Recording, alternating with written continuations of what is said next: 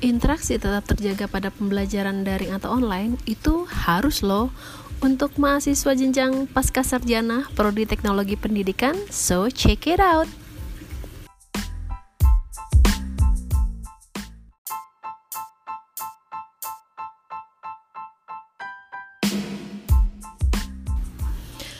Assalamualaikum warahmatullahi wabarakatuh Hai pendengar yang budiman di mana pun berada Apa kabar kalian semua? Semoga selalu dalam keadaan sehat walafiat ya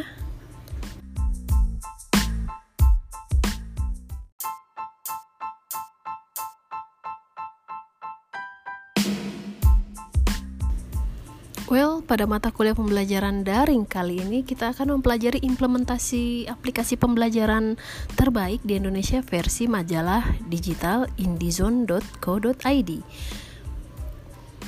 Pada materi sebelumnya kita sudah mempelajari sedikit mengenai interactivity kan? Nah, pada pertemuan kali ini kita akan mengulas lebih dalam komponen apa saja yang disebutkan pada bukunya Richard Kaladin agar pembelajaran daring atau online tetap terjaga interaktivitasnya. Ingat ya guys, interaksi adalah salah satu dari enam komponen pondasi teknologi pembelajaran yang disebutkan oleh Spector pada buku Foundation of Educational Technology dan apa aja sih komponen yang lainnya? Oke, um, pondasi teknologi pembelajaran itu terdiri dari enam, yaitu e-learning, inter instruction, culture, environment, interaction, dan communication. Nah, untuk di interaction kali ini kita bahas secara dalam ya.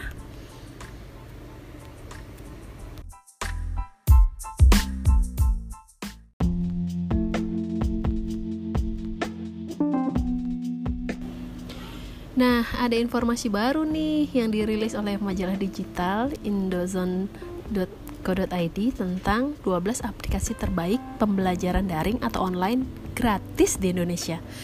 Wah, penasaran nih aplikasi apa aja sih yang dimaksud? Oke, coba kita klik dulu. Well, yang berada dalam urutan pertama adalah Rumah Belajar. Coba pendengar, bisa akses nggak aplikasi ini? Ini bisa di-download loh di Play Store dan App Store. Search aja Rumah Belajar. Lalu kemudian akan diarahkan tuh ke aplikasi yang berlogokan seperti rumah. Kemudian kalian bisa mulai mendownloadnya dari App Store maupun Play Store. Di komputer juga bisa kalian dengan mengakses web base kalian dengan halaman http belajar.kemdikbud.go.id.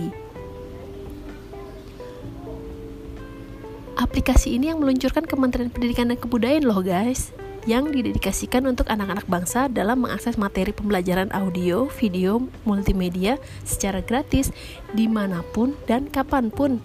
Penyajian materi tersebut juga dikelompokkan sesuai jenjang pendidikannya, dari PAUD, SD, SMP, SMA, sampai SLB juga ada.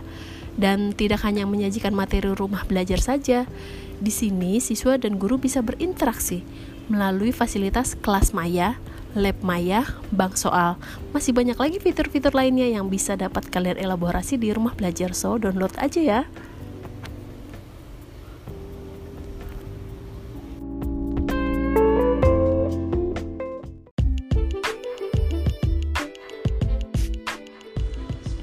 Yang kedua adalah setara daring.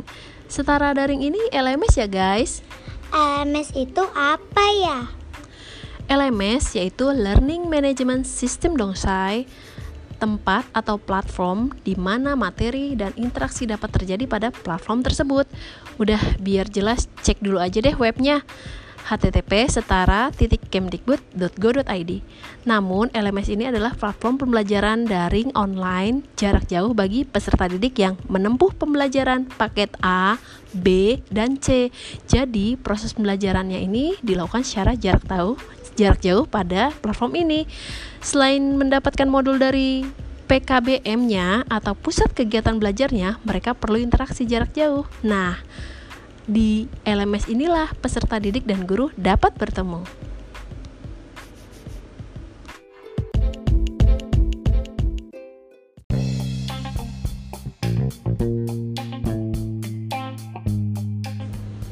Yang ketiga adalah ruang guru. Pasti sudah tidak asing lagi ya kan untuk aplikasi ini? Iya dong, karena banyak dilihat di AdSense-AdSense iklan di YouTube waktu awal pandemi kemarin, ya kan? Tentu saja ruang guru bisa sefamiliar itu karena memang aplikasi ini terkenal fitur-fiturnya, video animasi dan latihan soal yang lengkap serta pembahasannya juga dalam bentuk video. Untuk les private pun ada. Rangkuman-rangkuman pembelajaran bisa dibuat juga secara interaktif melalui info-infografis yang dinamis juga kuat akan esensi social learningnya. Social learning itu apa ya? Social learning itu pada aplikasi Ruang Guru ini adalah siswa dapat melakukan video call secara langsung untuk berdiskusi kepada muridnya mengenai materi-materi yang diberikan pada aplikasi Ruang Guru. Jadi, guru dan murid itu bisa interaksi secara langsung. Tidak ada kesulitan yang terjadi. Apabila ada, tanyakan saja pada jam-jam khusus yang sudah dibuka. Ada pula kelas online-nya, bisa bareng ketemu guru membahas soal. Seru kan?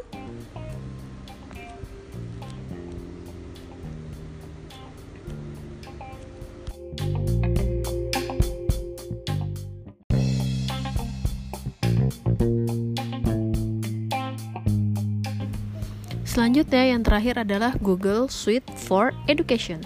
Seperti yang kita kenal dan ketahui, Google adalah mesin pencari massal yang banyak diakses di seluruh dunia. Dalam hal ini, Google menghadirkan bentuk layanan lain yaitu belajar gratis secara daring bernama G Suite for Education. Fitur yang dihadirkan dalam G Suite for Education ini adalah banyak. Yang paling banyak digunakan adalah Google Classroom. Dengan fitur ini, para siswa dan guru serta dosen dapat mengikuti pembelajaran secara jauh, di mana pun dan kapan pun. Para penggunanya difasilitasi dengan banyak program aplikasi yang terintegrasi seperti layanan Google lainnya seperti Google Meet, Google Drive, Google Doc, dan Google Form.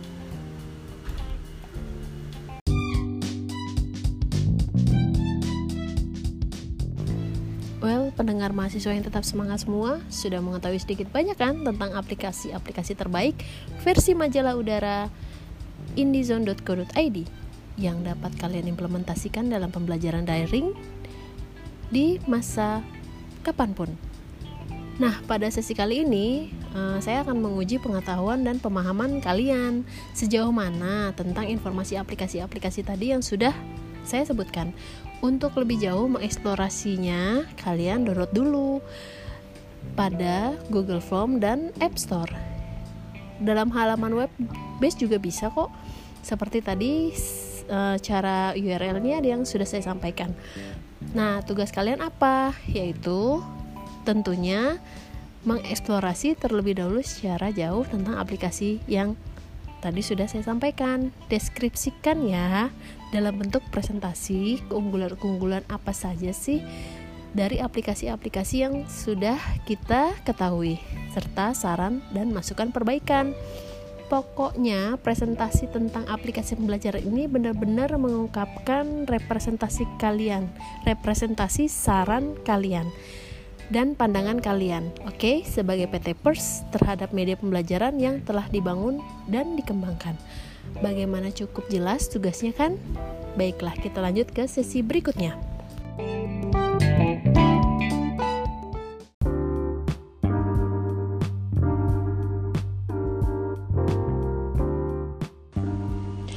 Nah, pada sesi kali ini kita akan mempelajari komponen interactivity dalam pembelajaran menurut Richard Caladin sesuai dalam bukunya yang ditulis Enhancing E-Learning with Media Rich Content in Interactivity by Richard Caladin tahun 2008. Seperti yang kita ketahui pada mata pelajaran pembelajaran dari sebelumnya, komponen interactivity dalam pembelajaran daring haruslah terpenuhi dalam setiap langkah pembelajarannya. Coba kita flashback ya.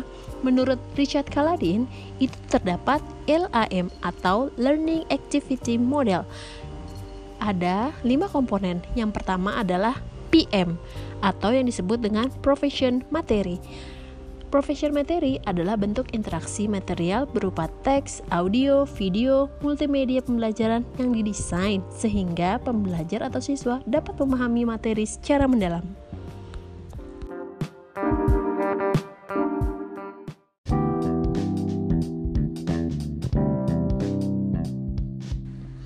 Yang kedua adalah AM, Interactivity with Material adalah komponen interaksi yang diwujudkan oleh pembelajar dengan cara mendengarkan, menyimak, menulis, menggarisbawahi, mengkutip material guna mendapatkan pengalaman pembelajaran.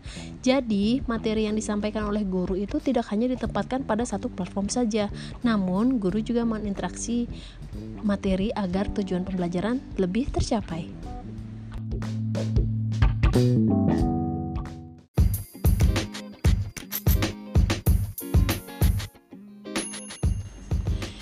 Yang ketiga adalah IL, interaction between learner adalah interaksi yang diwujudkan dari sebuah proses pembelajaran antara siswa dengan siswa lainnya. Biasanya ini terjadi pada tugas-tugas kelompok. Jadi, learning yang terjadi pada learner to learner itu terjadi dan tidak menutup kemungkinan tugas individu juga dapat terjadi interaksi ini loh.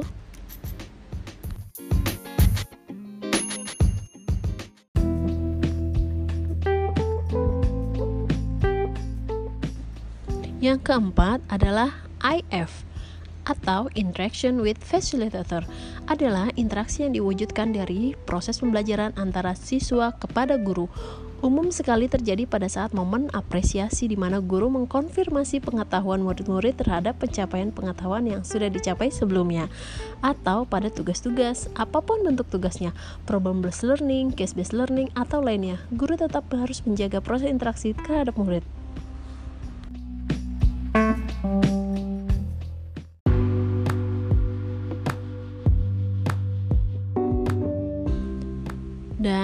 Yang terakhir, yang kelima, apa yo? AI bukan ya interaction, interaksi yang diwujud dari pembelajar itu sendiri dalam proses belajar. Ya, benar sekali. IA atau interaction dalam bentuk interaksi yang diwujudkan oleh siswa mensintesis materi, mengkaitkan, menganalisis, mengkaji, mengkritisi sampai merefleksi dari materi yang ia dapat. Interaction ini terakhir bentuk komponen terakhir yang diwujudkan namun menjadi main goal utama. Tujuan utama dari komponen interaksi ini yang sebelum-belumnya kita sudah sampaikan Nah, interaction ini adalah sebenarnya tujuan utamanya untuk mendapatkan hasil yang ia pelajari sendiri, sehingga pembelajar dapat membangun pengetahuannya sendiri dari pengetahuan apa yang ia alami dan ia lakukan dalam proses pembelajarannya.